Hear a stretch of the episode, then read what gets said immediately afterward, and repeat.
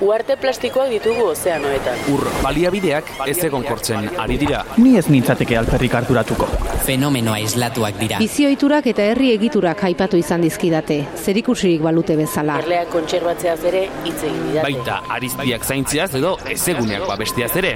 Eta ni, Nork babesten hauni. Mikroplastikoak elikadura katean sartu zaizkigu. Ez ez da perfektua. Bioanistasuna galtzeak atzera bueltarik gabeko ondorioak izan ditzake. Lasaitu zaitez, ez da inbesterako izango. energia erabilerari eta garraioari loturiko isuriak izugarriak dira. Ez du nik erabaki horrela izaterik. Aro geologiko bat markatzeko adinako eragina izan dugu. Evoluzioaren aztarna, arro, egoteko modukoa benetan. Baliabideen erauzketak arrakala sozialak handitu ditu. Zer diozu? Nik ez dut alakorik egin. Eragindako inpaktuak direla eta muturreko fenomenoak ugaritu dira. Nire inguruan ez dut hori sumatu. Euri azidoa bertan da. Bizitzak aurrera darrai. Bai? Ziur, Gelditu makina. Gelditu makinak.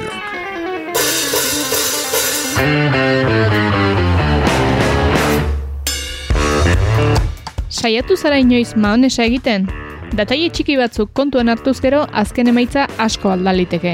Alegia, aldea dago, irabiagailua hasieran ontziaren ondoan mantentzen duzun eta ondoren pixkanaka mugitzen hasten zaren edo ez. Baten bati okorretuko zitzaion hori ere. Okorrentziak izan dutenak gurean ditugun Carlos Alejandre eta Hortziak izu. Etxetresnen orleztapen urteen kalkulua garatu dute. Jakina, aintzat hartutako parametroetan badago alderik. Alde ez ari garela, beti alde gauzkan kolaboratzaile baten txanda da. Arantxa idieder dugu gurean eta eskuti dakar Martia Irigoien biharko lurraren elkarteko kidea. Aldeak alde, aldiro ez gara deskubretzen aritzen. Tartean tartean, aholkuak jaso zalea gara eta horretarako bi pilulagile izango ditugu aldean. Energia pilularen arduradun oier etxebarria eta musika pilularena etxaun arregi. Ez alde egin entzule, gelditu makinaken amazazpigarrena abiatzearla eta.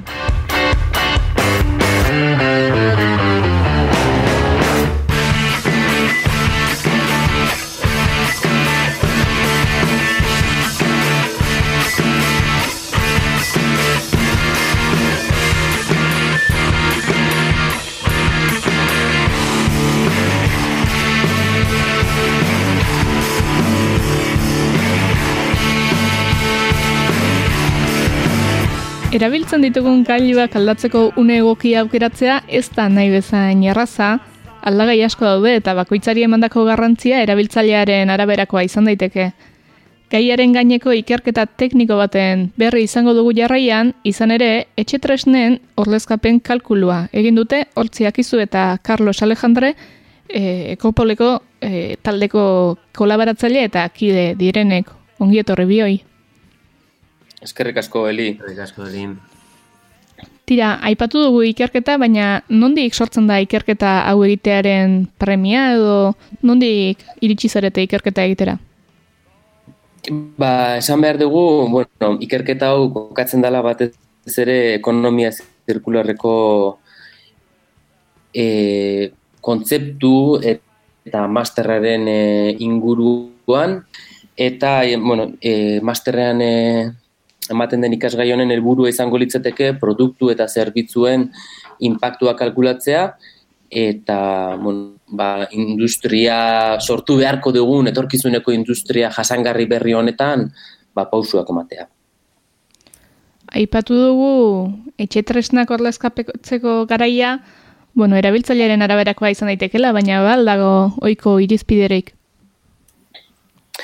Ba, hori, normalean e, gaur egun arte e, bai egin diala etxetresnak jasangarritasun aldetik e, ba, jasangarriago bihurtzeko ba, urteak igaroala e, beraien efizientzia klasearen arabera ba, aldaketa bat sustatzea, ezta? Eta denda ezberdinek bai dituztela ba, etxetresna ba, energetikoki efizienteagoak erosteko bai laguntzak eta baita ere ba, provintzia eta lurralde ezberdinen laguntzak. Baina geure zalantza zen, ba, zenbat urtetara egin behar da aldaketa hau, ez? Eta, eta aldatzekotan, zenbat efizienteago egin beharko da etxetresna, ez? Orduan, ba, masterretik zalantza hau planteatu zen, e, Carlos bertako ikaslea da, eta hori, ba, Carlosek e, zalantza eta inkitude hau hartuta, ba, ikerketa burutzen hasi izan. Etxe tresnetan aldatzeko orduan edo e, garrantzi gero eta handiagoa edo azken urtetan behintzat garrantzi handi hartu duen sistema bat etiketa energetikoaren sistema da. Zertan datza horrek eta horri begiratu behartzaio etxe tresna bat aldatzeko? Nahi badezu, Carlos, e, zelan ikusten duzu Bai, bueno, gaur egun eta e, ikerketarekin, gure ikerketarekin, e, etiketa mota berri bat garratu behar da. E, bizi ziklo guztia kontutan hartzen duena eta baita eraupen urte kopuruak. Hmm. E, gaur egun e, etiketa energetikoak e, ez da e, na, e, nahiko. Nahikoa. Zuen ikerketan gainera funtzionamentu optimoaren gaineko e, balantzea sartu duzue, edo garrantzi ematen diozue horri, zer la zehazki funtzionamendu optimoa? Bai, batez ere, bueno, geure ikerketan egin degune hipotesia izan da, etxetresna bat erabiltzerako orduan, e, edo ordezkatzerako orduan berri bategatik, bueno, bost estenatoki egin ditugu, ez da?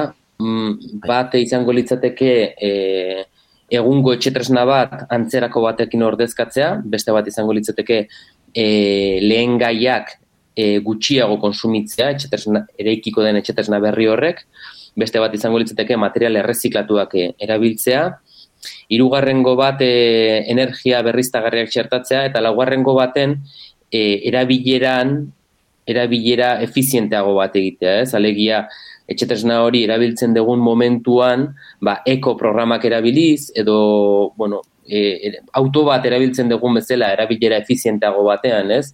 Gutxiago azeleratuz, gutxiago revoluzionatuz, ba, horrek hori izan nahiko luke eli, e, erabilera efizientago bat erabiltzea. Baten batzuk aipatu dituzu hortzi, baina ikerketaren zentratzen hasita, normalki hipotesi batzuetatik abiatzen da ikerketa bat, ez da itxu-itxuan joaten, zuek ze hipotesi zenituzten eta zeren bila abiatu zarete?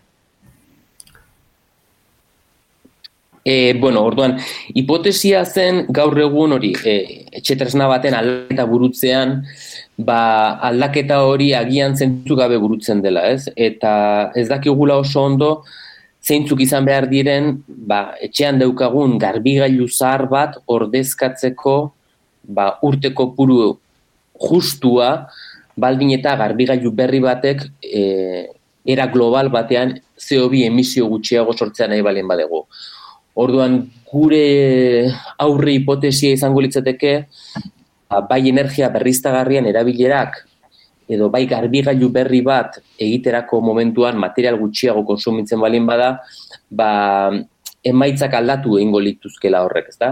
Eta orduan, ba, politika provintzialetan e, diru laguntzak eman, eman nahi balin baditugu garbigailuak aldatzeko, ba oso kontutan neuki behar degula, ba, garbigailu hori sortu, bueno, erosi eta handik bost urtera aldatzea, amar urtera edo hogeita amar urtera, ez? Eta baita ere, ba, diru laguntzak ematerakoan, ba, agian diru laguntzak garbigailu bat aldatzeko man behar diela, baina beste momentu batzutan agian, ba, etxean daukagun argindar edo elektrizitate konpainia aldatzeko eta berriztagarrietara pasatzeko ba, diru laguntzak eman ditzakegula. Ikerketa hori egiteko eszenatoki batzuetaz baliatu zarete, zein dira kontuen hartu dituzuen aldagaiak? Nei baduzu, Carlos, azaldu pixkatori sakonean? Bai, bai, bai. Bueno, ba, hortzi, hortzik esan duen bezala, e, e, e, bost esenatoki diseinatu dugu, edo hipotita, hipoti satu ditugu. E, beste ba, e, bat, escenario zero, zeroa da, eta egungo, egungoa da, egungo gailu bat, ondatu eta mota bereko batekin ordezkatzea. Gero, e, e, lehenengoa, e, gailu berriak mate, e, materia, prima, e, materia prima edo lehen gai gutxiago izatea. Bigarrena, e, lehen gutxiago eta erreziklatuak izatea. E, gero, hirugarrena, e, ener, energia berriztagarriak txertatzea. Eta e, azkenean, laugarrena, e, energia berriztagarriak eta erabilera arduratsua, e, hortzik esan duen bezala, e, eko, programa, eko programa, programakin, erabilera orduak, zaintza mota, eta bar. Eta e, eszenario honetan, e, e, uneko amar e, aurrezpenak e, modelatu ditugu behin eszenatoki horiek erabilita, zer nolako metodologia erabili duzue aldagai bakaitza aztertzeko? Hmm. Ba, bueno, hori metodologia e, niko berria da, ez? E, OpenLCA izeneko software bat dago merkatuan, ez? Software libre eta eta doainikakoa dena. Eta software horri e, base datu bat txertatzen diogu, eta metodologia izango litzateke bizitza zikloaren analizia.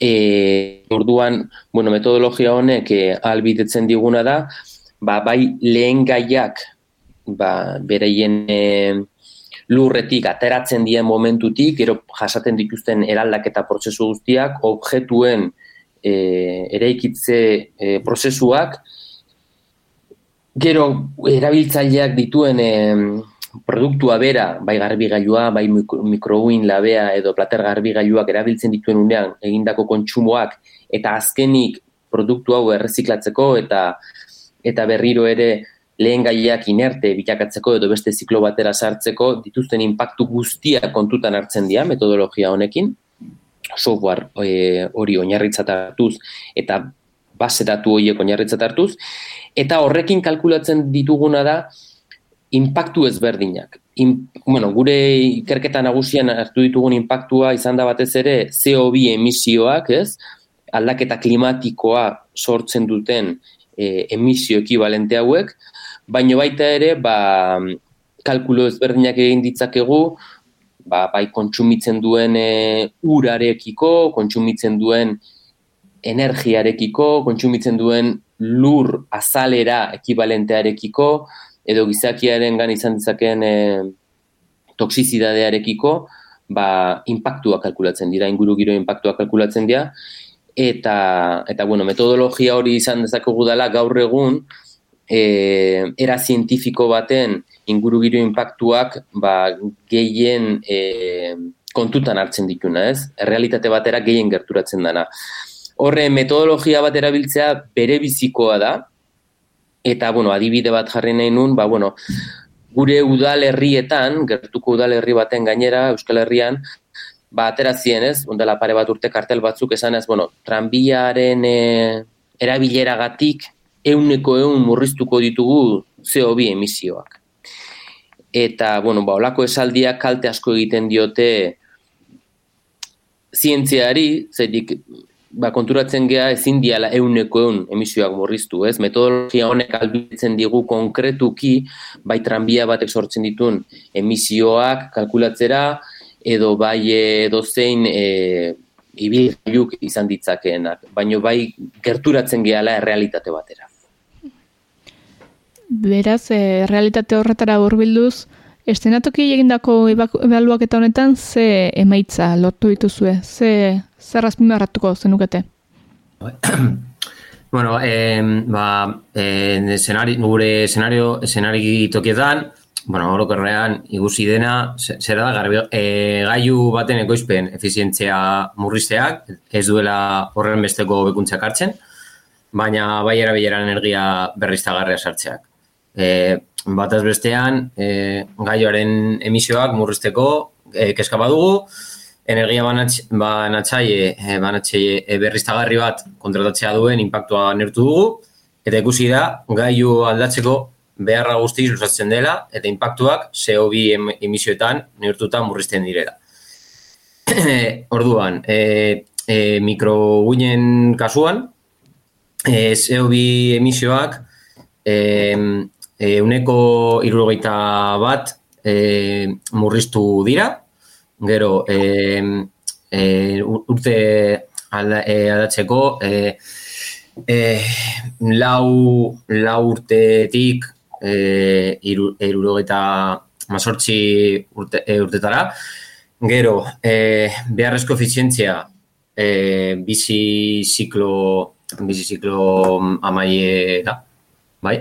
E, e, da, e, e, hogeita, otxo grabea, hogeita, hogeita bost, e, uneko hogeita bost, e, senario zeroan, e, hogeita, uneko hogeita lau, e, senario bat, e, e, uneko hogeita bi, escenario bi, gero, e, bueno, euneko, eun eta e, bi e, berrogeita, berrogeita malau, escenario iruan, eta e, laugarren escenario, escenarioan, euneko eun eta irurogeita e, amaika bera. Bai, ikusten da datuak oso zehatzak eh, ataratzen diela, ez? E, bai. Metodologio erabiliz, batez ere ikus dezakegu bataz bestean, bai mikrouin labe bat, plata gailu bat edo garbigailu bat, e, energia berriztagarriz elikatzen balin badegu,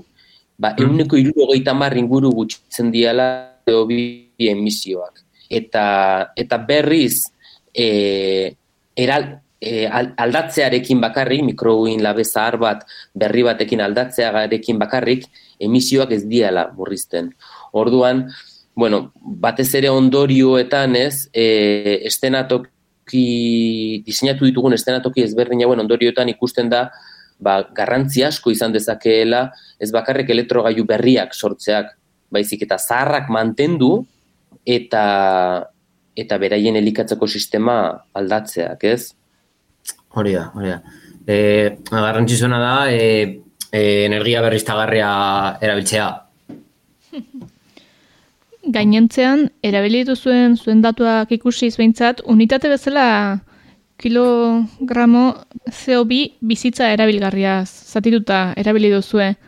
Zer, e, zergatik erabili duzue unitate hau?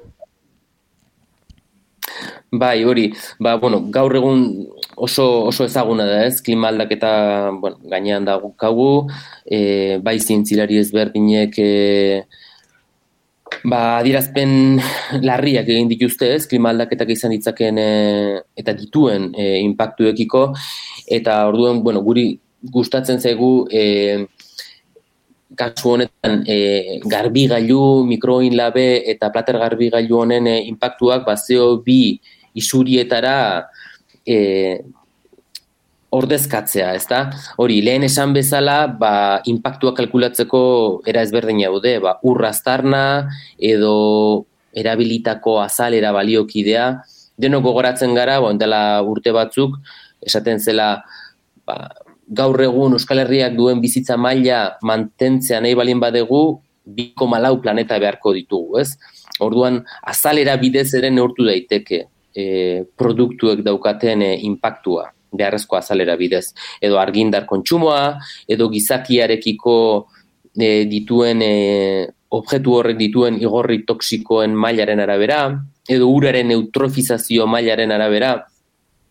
Baina, bueno, e, erabaki genuen CO2 suriak geroz eta erabiliagoak direla, adibidez ba hori, automozioan deno dake, ez ba, auto batek zenbate emisio dituen, ez? Oin ja auto bat erosten dugu moment erabiltzaileak esaten digu, ba, auto honek egun dago bost e, gramo CO2 igortzen ditu kilometroko. Eta, bueno, garbigailuetan ere, e, Carlos II esan duen bezala, ba, adirazle berri bat sortu beharko da. Ez bakarrik, e, garbigailuak duen e, kontsum klase A edo klase B baizik eta CCO2 isuri dituen hori egin zenetik produktu hori e, erreziklatuko den arte. Eta hori izango litzeke arrazoi nagusia CO2 e, adierazlea erabiltzea aldera. Badago beste elementurik adierazle berlina erabiltzen duena, alegia behin jakinda gure etxe tresnek ze CO2 isuri dituzten euren bizitza erabilgarri osoan, badago zerekin konparatu? E, bueno, bai, noski, e, egin ditugun estenatoki ezberdin horietan, ba, konparaketak zuzenak dira, ez? Konparaketak egiten ditugu, ba, txetasna berri, berri bat sortzen balien badegu, sortze prozesu horretan dituen CO2 emisioak, edo geure argindar konpainiak edo etxean daukagun argindar enpresak e, ematen digun argindar horren kilobatioko dituen emisioak, konparatu ditzakegu adibidez, ez? Ba, energia berriztagarria edo, edo duen mix energetikoaren arabera, edo, bueno, ba, gero etxean ditugun e, objektu ezberdinekin ere konparatu ditzakegu, bai e, daukagun autoa, bai daukagun e, edo zein etxetresna, ez bakarrik guke ikerketan aztertu ditugun hiru etxetresna hauek, baizik eta edo zein objektu ez, bai e, altzarietatik hasita e, ba, ba, telebista edo beste gailuetaraino. Gailu hauei bigarren bizitza bat emateko edo refusiatzeko behar den energia eta behar materialak nuski, non kokatzen dira? Alegia, ekonomia zirkularrak izan dezakelekurik baztertutako etxetresnetan? E, bai, noski, ekonomia zirkularra oraindik guztiz definitu gabeko e, kontzeptu bat da. Ekonomia zirkularrak aldarrikatzen duena da, ba hori, e, geroz eta e, output edo edo, bueno, gauza kutsakor gutxiago atera behar diela zikloetatik, ez? Alegia, material bat edo objektu bat sortzen degunean, bertatik ateratzen dian ondakin guztiak berriro ere beste lehen gai batzuk bilakatzeko erabili behar direla. Alegia zikloak itxi behar diala.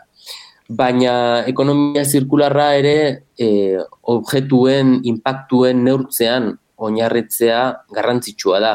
Ez bakarrik dialektika utxe izatea, baizik eta egun daukagun gizarte honetan, bakeroz eta konstienteago izan behar geha, sortzen ditugun impactuak zeintzuk dian eta neurgaiak izatea, ezta?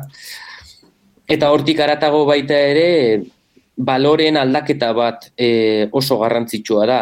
Ikusten dugu elektrogailuen kasuetan, gure etxetresnen kasuetan, mundu jasangarriago bat sortzeko burura etortzen zegun lehenen ideia da beste etxetresna bat erostea. Alegia, daukagun etxetresna hori, kontsumo materialen bidez ordezkatzea. Eta, eta hori da gaurongo gizartean daukagun balio nagusia, ez? Kontsumo materialarena. Eta, bueno, ba, garaia da nola baitere bal, balore aldaketa bat sortzeko eta, eta kontsumoan oinarritu beharrean, ba, gian daukagun gailu zaharrak mantendu, konpontze sistema batean mantendu, eta, eta kontsumo ez materiala burutzea, alegia gutxiago kontsumitzea. Ba, esan dakoak entzun da geratzen dira, mila esker hortziak izu eta Carlos Alejandre. Ez dakit esateko gehiago geratu zaizuen edo galdetu ez dizudan zerbait erantzun nahi duzuen? Bo, ni nahiko nuke bai e, alde batetik e, Euskal Herriko Unibertsitatearen e, ekonomia zirkularreko master e, hau aipatu, bere, bueno, bi hiru urte dara matzagu masterra ematen, eta nik uste dut e, hori oso garrantzitsua dela gizartearen aldetik ba, ba master honetako printzipioak eta ba, zabaltzea, ez da? Nik uste dute gaur egun Euskal Herrian geroz eta e, preokupazio eta, eta ardura gehiago dagoela zentzu honetan, eta bueno, animatu jendea, jende gaztea, ba, bai masterrera gerturatzera, bai egiten ditugun ikerketen berri izatera, eta, eta hori mundu jasangarriago bat sortzeko, ba, ba ezagutza gehiago sortzera, ez? Askotan, ikusten dugu ezagutza falta zaigula, den hori ez, eta, eta bueno, poliki-poliki hori aigea egiten masterrean ez, e, ikertzen joan, ba, Carlos e, bezalako ikasle finekin, eta hori, ba, poliki-poliki ezagutza berriak sortu, gero ba, politikara pasatzeko ez, Carlosek sortu dituen e, emaitza hauek oso oso garrantzitsuak izango dira, ba, politika, inguru giro politikak e, egiterako orduan, eta erabaki bat dirua inbertitu behar degunean, ba, gailu bat aldatu edo, edo energia berriztagarriak e, sustatzerako momentuan, ba, orain ezagutza gehiago ditugu ez, ez dia hain ezagutza logikoak, horregaitik oso garrantzitsua da, ba, konparak eta zehatzak egitea eta hori izango litzatekean. Carlos, zuk besterik baduzu esateko? Ez, ez, ez, ez duzte. ba, mila esker, bai Carlos eta bai hortzi, hortzi zuri ere. E, jarraituko dugu ik- ikertzen eta baita ekonomia zirkularra gure eguneroko tasunean txertatzen ere. Ba, mila esker zuri heli, gonbidatzeagatik eta izaneten eh, lanagatik. Mila, mila esker, aukera honegatik, eta, bueno, pues ba, mila esker, eta lasta arte. Gelditu makinak.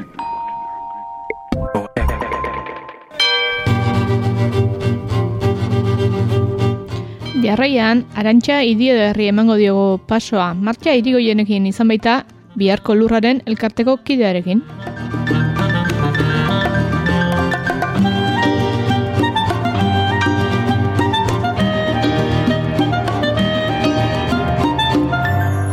Martia naiz, Dona Paulekoa, amikuzen handitua eta abi- amikuzen bizi. Lanean ari naiz eh, laborantza ahloan, elkarte batean, animatzaile gisa, eta bestenez uh, libertimendu, zango baloin, eta beste elkarte batzuetan uh, demora pasten dut. Bo, eta denbora parte handi bat naski eh, ble elkartean eh, pasten duzun guai, biharko lugaren eh, elkarteko animatzaile baitzira, biharko lugaren elkartera, elkartea, izenak eh, berdin salatzen du, azkenean eh, zer den elkartearen muina? Uh, bai hori erten alditeike, hau sortu zen dola oita urte, uh, basen afajoan, laborari batzuk elkartu ziren, uh, berek bultzatu nahi baitzuten, beren arteko forma, formakuntza, laborantza hildo baterantz uh, ibili nahian, agertzen da dola oita urte, beraz uh, pentso dugu uh, laborantzan jadanik izan zirela, um, izan zela iraultza, iraultza handi bat, eta hor uh, laborariek uh, elkarrekin hori auge egiteko edo beste manera batez egiteko bildu ziren. Biharko lujaren elkartearen giberean uh, beraz alde batetik laborantza biologikoa baina ez bakarrik autonomoa, ekonomoa eta uh, makoan artean solidarioa. Eta orduan elkarte honetan baditu, badira animatzaile ezberdinak bere zituak ahlo ezberdinetan. Formakuntzak uh, proposatzen ditugu izan teknikoak, baina ez bakarrik, izanen dira ere uh, komerzializazioaren gainean, edo laborariaren bizi eta proiektu ezberdinek uh, erantzuteko, bada bio, biodinamia, baina uh, izaiten alda ere nola eraldatu zure zure esnea edo, edo beste. Biharko lujaldea uh, Ajapitz Federazioaren bahne da, Ajapitz Federazioa edo Ajapitz Federazioak lan egin nahi du uh, laborantzaren laborantza molde baten garapenean, iparaldean, eta hor aur- aurkituko ditugu trebatu elkartea, hauek uh, instalazioa egesteko uh, uh, sortu den tresna bat, bada lur zaindia ere, hor azken bol, boladan anitzen zundena arbonako historiaren garietara, hor lujaren ejonkari buruz lan egiten dute, baina izanen da ere afoga, afoga hau beste elkarte bat uh, laborariek beren kontabilitatea eta beren uh, administrazioa uh, menperatzeko sortu den elkartea eta formatzaileak badira eta beraz segitpen bat egiten da eta beste beste. Beraz ble sartzen da argazki horretan eta jaiten aldugu gaur egun uh, formakuntzak eta beste uh, proposatzen ditugula laborari guzier uh, iparaldeko laborari eta egualdekoak ere nahi badute idekiak dira izan laborari biologiko edo ez lo biologikoan. Da gehiago zerbait proposatzea laborantza molde behi bat eruntz joiteko adibidez olio esentzialek, bu- esentzialak nola erabili laborantzan edo beste. Abereekin edo adibidez. Hori bera, eta landareekin ere. Azkenan landareak, landareekin sendatu eh, landareak edo kabalak, edo izaiten alda kinesioterapia, olako formakuntza behiak edo alternatiboak makoen artean. Ez uh, ohiturazkoak eh, edo batzuntzat bitxi zeitanko direnak ere ez? Uh, bai, kuadroan eh, ez direnak momentuz, baina eh, eh, normalizatu nahi direnak edo... Biharko, ez? biharko lugaren uh, geroa betiko gona hartuta, bon, ados, orduan uh, ble elkartearen lana pixkat aipatu duzu, azkenean formakuntza proposamenak, uh, laborantza irankorra eta kezka horrekin uh, erdigunan, Bon, berdin, uh, uaiko azken proiektu hori aipatzeko, azien uh, etxea eraikitzea, hola jango dugu, eraikitzea erabaki duzue eta proiektu hortan uh, buru belagi ere sartua, zer da azien etxe hori? Bon, jakin behar da, blen edo beste elkarteetan laborariak dira administratzo kontzeiluan, haiek dira sortzaile eta bizizale. Beraz, uh, azken finean, zizelkatzen dira gaiak, proiektuak, beren uh, emeien arabera, eta hortan dola bi urte sortu zen azien etxe baten sortzaren beharra edo, edo kezka edo berzela hortan sartu ikusten baitzen egunerokoan laborariek e, bazutela animaleko um, huts bat eh, beren eguneroko lanean. Orduan eh, blerekin ikusi, ikusi zen ze talde motibatua zen edo ze talderekin hasten alginen horren lanketan. Jadanik hartogogiaren uh, saila sortu zen uh, 2006an. Gaur egun hartogogia markan, markapean saltzen duten laborariako gehi bat dira. Horaz jaiten aldugu orain hartogogia ere iten da uh, ez, bon, mankoen hartan salbatua bezala da, baina uh, hau egina bezala zen, edo bon, bardu beti biziraun, eta bigarren proiektua gariaren inguruko lanketa izan da. Laborari eta baratze zain uh, amatur batzuek uh, deliratu dute gariaren selekzioaren inguruko lanketa bat egitea. Erein izan dute, gero biderkatu, ikusi zein den uh, gaur egun emengo pedoklimatikoari bai, emengo lujari, emengo klimari adaptatua, edo zein izaiten alde den interesgarria okin bat entzat, adibidez. Eta hor duan hor badu bi urte, bi urteko, bi urteko emaitza badugu, lanketa bat eh, sortzekoa da ere okinekin, eta beraz pixkanak alborarek pistak ere ukan dituzte, garia, ze gari ere iten alduten tokian, ze gari gero balorizatzen alko den, eta azkenean eh, galdu den zerbait, Beraz, garia ez da gehiago egiten e, gaur egun uh, iparaldean beden, edo guti batzuak egiten dute, eta hor, talde hori esker, be pixkanak alaborariek uh, ere iten dute garia urtero, berreskuratzen dute, azkenan lehen goko lehen egiten zen kultura bat, eta behiz uh, plantan emaiten dute hemen. Ordan, zer da, biharko lura lehengoa bezala izan behar da, edo? Eh, berdina ez dut uste, dena den klimak ikusten du, dena aldatzen da, eta aldatzen dugu, aldatzen da, bo, ez dakit. Eta beraz, adaptatzen egit, adaptatzen da, hori segur, azia, azia aipatzen denean, eh, azia egikoia edo lehengoko azia aipatzen denean, ez da uh, iraganean blokatua, ez da lehengoko azi bat orain ereiten. Azkenean, Hazi errikoia jaiten denean, uh, da, zerbait hazi bat transmititu egin dena belaunaldiz belaunualdi, eta belaunaldiz belaunualdi beraz ere iten zen, urtero, berreskuratzen, usta biltzen zen, eta parte bat atxekitzen zen, urrengo urterako, eta etengabe, azkenean, uh, zuk hautatzen zinituen, ze hazi atxekina izinuen, eta orduan, hautatzen zinuen zure irizpideekin, izan edertasuna, goxotasuna, gustua, mo edo beste, eta Asia beraz adaptatzen eginda ere uh, lujaldeari, baina ez bakarrik badu uh, genetikoki bizikia beratsa da beraz, etengabe bilakatzen den zerbait da. Mm. Justuki, uh, bon, piskat desbideratzen gira berdin, baina uh, aipatu baituzu uh, galiarena eta gaur egun aipatzen baita glutena, glutena uh, jendeak ez dula glutena suportatzen, beraz ugirik ez dula jaten, eta hor hasi errikoia eta hasi transformatuaren uh, talka ez, agertzen da, hori ere... Uh, Bai, beraz, ikusten denean, badela behar bat egun hasien etxe baten sortzeko iparaldean, bada testu inguru bat, ikusten denean azken uh, irurgei urteetan uh, laborantza munduan nola eraldatu den uh, atikzetara ikusiz uh, dena berezitu dela, dena homogenizatu, orain uh, badira industria handiek uh, deliberatzen dute noruntz joan behar den, baina izan uh, laborantza munduan, baina kontsumo, kontsumo moldea ere eraldatu da. Eta beraz, uh, kontsumoari erantzuteko laborantza aldatu da, baina laborantza aldatu da, eta beraz kontsumo ere aldatu behar zen, bo, biak uh, erantzuten dute bat eta besteari. Eta laboran, laborarien praktiketan ere dena aldatu da.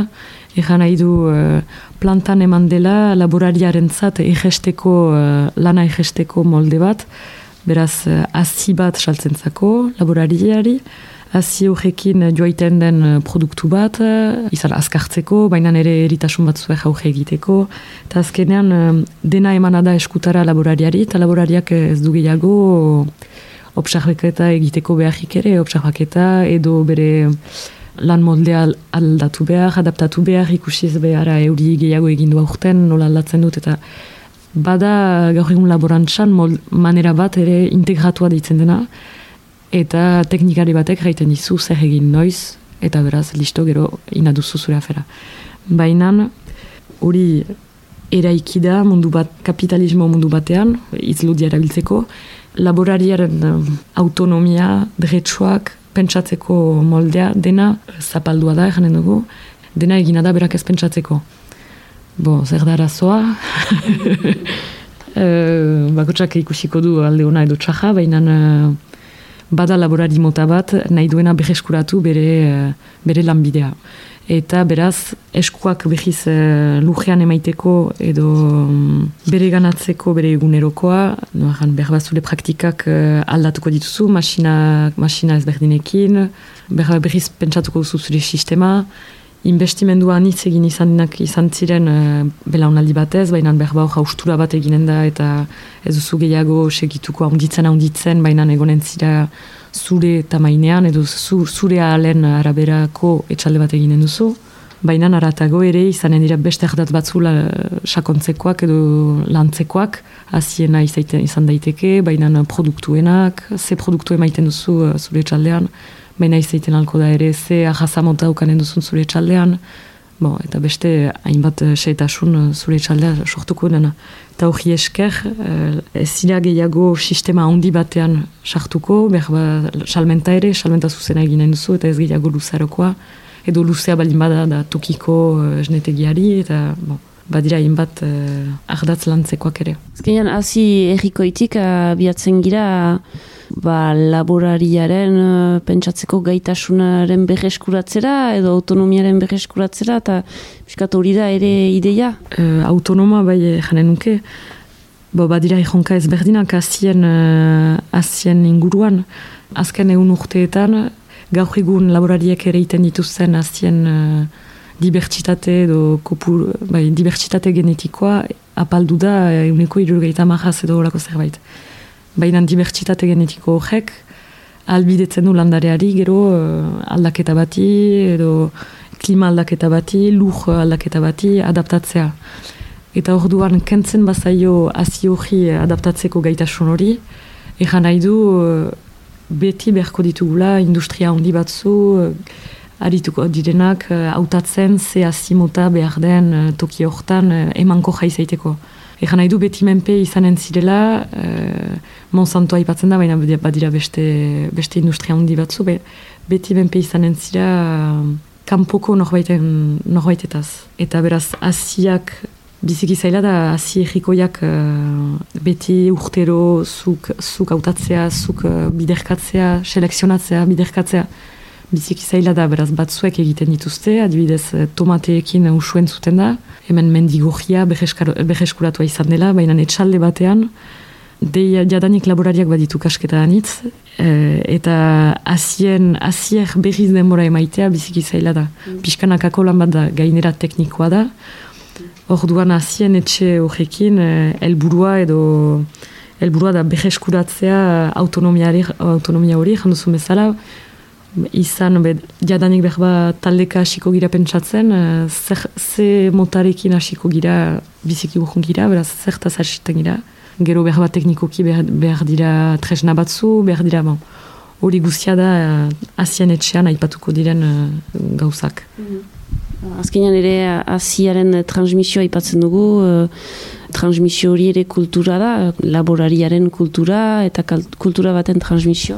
Habe, segur, uh, gaurko munduan, uh, giren munduan, uh, bertomatea atxemaiten da hemen, uh, donostin, iruñan, uh, dagoeste izen. Bertomatea, diot, uh, egonda goji uh, dirdiratxu hori. Sekular, negun batez denek azierriko jakite maginitu, be ikusiko ginuke, be hemen ez dela bakrik tomate hori, izanen dela beste bat ere, joiten girelarik uh, bakantzetat uh, zakit noat uh, naforan gaindi, be beste tomate bat, eta ikusiko da, badela nortasun bat, uh, bakutsak bere lekuan, be klimaren arabera, gero ze, ze tomate mota selekzionatzen den urte zurte, ikusi behar da nola aldaketa genetikoari esker nola moldatuko den, eta bai, animalikoa berastasun bat da. Eta biharko, biharko aizete, eurite eta beste aldaketa klimatiko guztiak erantzuteko ere gaitasuna ikarriko du. Han konkretuan, uh, azien uh, etxe hori nola irudikatzen duzue? Konkretuan momentuz, uh, ideala eta momentuz zer baden, Momentuz taldetxo bat, eh, beraz, hartu gojiarekin ari da, az, gariarekin, orain edo biak sortuko da barez, baratze zainen arteko talde bat ere. Talde horietan lehenik da komunikazioa edo elkar laguntza sustatzeko manera bat, nork zer egiten duen ikustea, jadanik. Eta gero agian eh, idealki biak uh, belajer buruzko lanketa bat egiten alko da. Azkuntzan izbada hemen, beraz, zer egiten alda pentseetan, bela jarekin. Baina izan daiteke ere um, tresneria tekniko batzu erostea, ukaitea banku, azien banku bat, baina bizi, bizi dena, jan nahi du azien banku bat ukaitea, baina urtero laborariek edo amaturek ere landatzea urtero biziarazteko, eraldatzeko aziak. Azkenean gaur egun Badira ikerketa zentroetan eta azianiz banko animalekoak badira, lau mila motako, motako barazkiak adibidez, edo bainan egoiten dira kongelatean. Eta gaur egun hor blen egin nahi dena, ez da, ez da baita espada hori, ez da bakarrik uh, datu base bat nahi, baina naratago da biziarazi uh, azia. Mhm. Eta beraz, urte-zurte jendeak erabiltzea azi horiek. Janen nuke azien etxe hortan, elkarren arteko trukaketak bermatzea, tresneria bat ekartzea berbalitz, eta azkenik kondaketak egitea nork zer egiten duen nun. Eta noizko? Eta engabeko lana da, beraz, asia da deia dola hiru urte eta segituko du oraindik uh, luzaroan. Eta izuran beraz duzue piskator uh, zentro? Bai, momentuz uh, gure, gure bulegoetan egiten da, helburua delarik lokal bat ukaitea hemen diekilu urtera edo izuran bertan edo ikusiko nun. Martia irikoien mi esker? Mi esker zuri. Gelditu makinak, naiz irratian, Eli Pagolarekin. Musika, arte espresio gisa, terapeutiko azkain, eraldatzailea eta kritikalaria ere izan liteke. Guk, badakigu noren sintoniara gatu zen. Hau patxaun. Kaixo, egunon, ze moduz? Ongi, ongi, tazu? Hemen beste ekarpen berri bat egiteko prest, badakizue. Ea ba, esai guzu, zein da zure ekarpena? Bueno, gaurko ekarpena e, René, residente edo Calle 13ko abeslariak. E, 2000 eta amazazpian, bakarkako ibilbidea hasi zuen eta bere lehen diskoan aurkitzen den apokaliptiko abestia ekarri dut. E, bueno, berak hau Pekinen idatzi zuen, abesti hau, ba, bueno, bertako txinako mega, megalopoli hoietan ez e, oinarrituta. Azkenean, ba, gogo eta egin zuenia mundu hau nora zijoan eta nola bukatuko zuen honek guztiak eta horrelako, ba, bueno, e, hau izan zen, abesti hau izan zen, emaitza. Hor esaten du azkenean, e, mundu apikutara joango dela, baina gu horregongo garela burrukan, ba, bueno, bizitza aurrera ateratzeko. Cuando se derrumba el paisaje y no haya pista para el aterrizaje y los milagros ya no salven gente porque los santos se tiraron de un puente.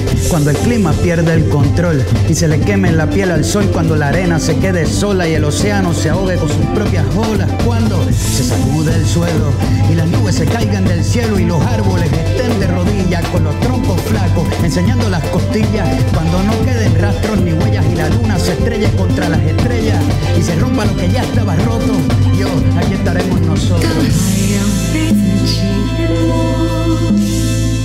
云彩中。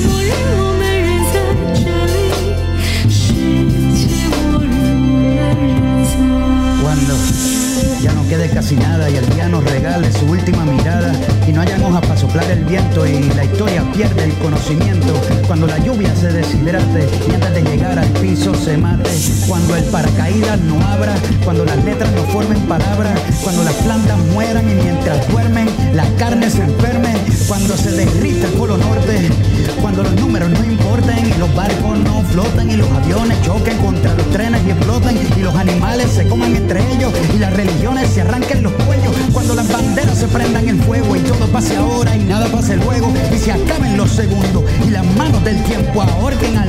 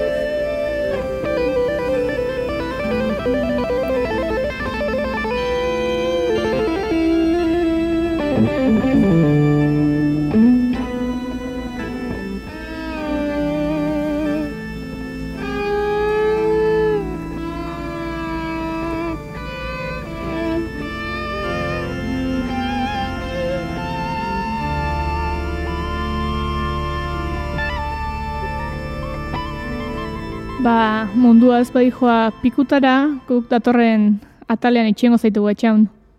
Osondo, hortxe gongo naiz. Gelditu makinak. Energia holkuak goien erren eskutik.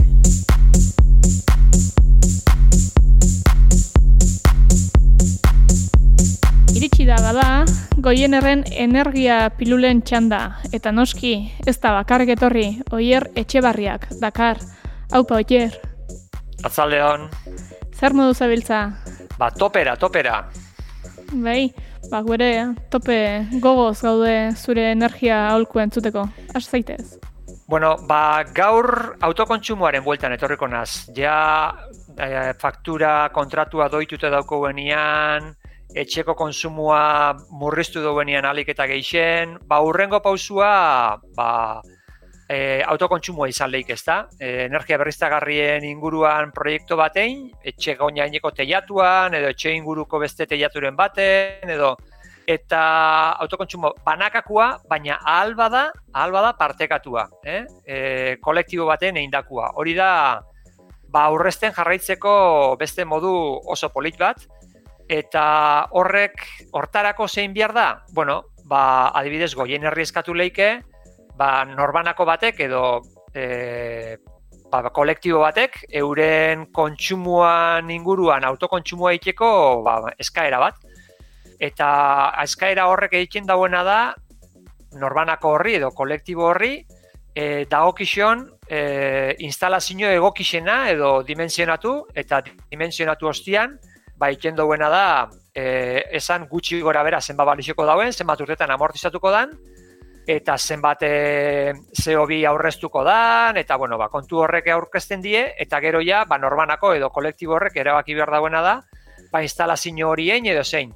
Goien errek eskeniko leuke, e, zeinekin egin, eta nahi baldin badago, ba, ura nahi dagoen beste norbaitekin egin leike, baina garrantzitsua da, e, obra permisuak, eta legeztapenak, eta gero, e, legeztapen horreitan azkenengo pausua banatzaileari dagokixon dokumentazioa bieldu eta autokonsumo banakako edo partekatu horren e, ba, dokumentazioa edo helarazti, ez da? E, gero, bakoitzan fakturan, tokatzen jakon autokontsumitutakoa ba, e, aplikau deixen. Orduen motzian esan da autokontsumua ez da gauza komplikatu bat, e, oso, o sea, legez guztiz babestute dau, eta aurrezteko modu banaiko polis bada. Ba, mila mila esker, aholkuagatik entzuna geratzen da. Urrengo arte oier. Bale ba, urrengo arte. Hauxe izan da, amazazpigarren atal honetan zuentzako gorleta genduena. Ongi ibili eta laster arte. hau da, ene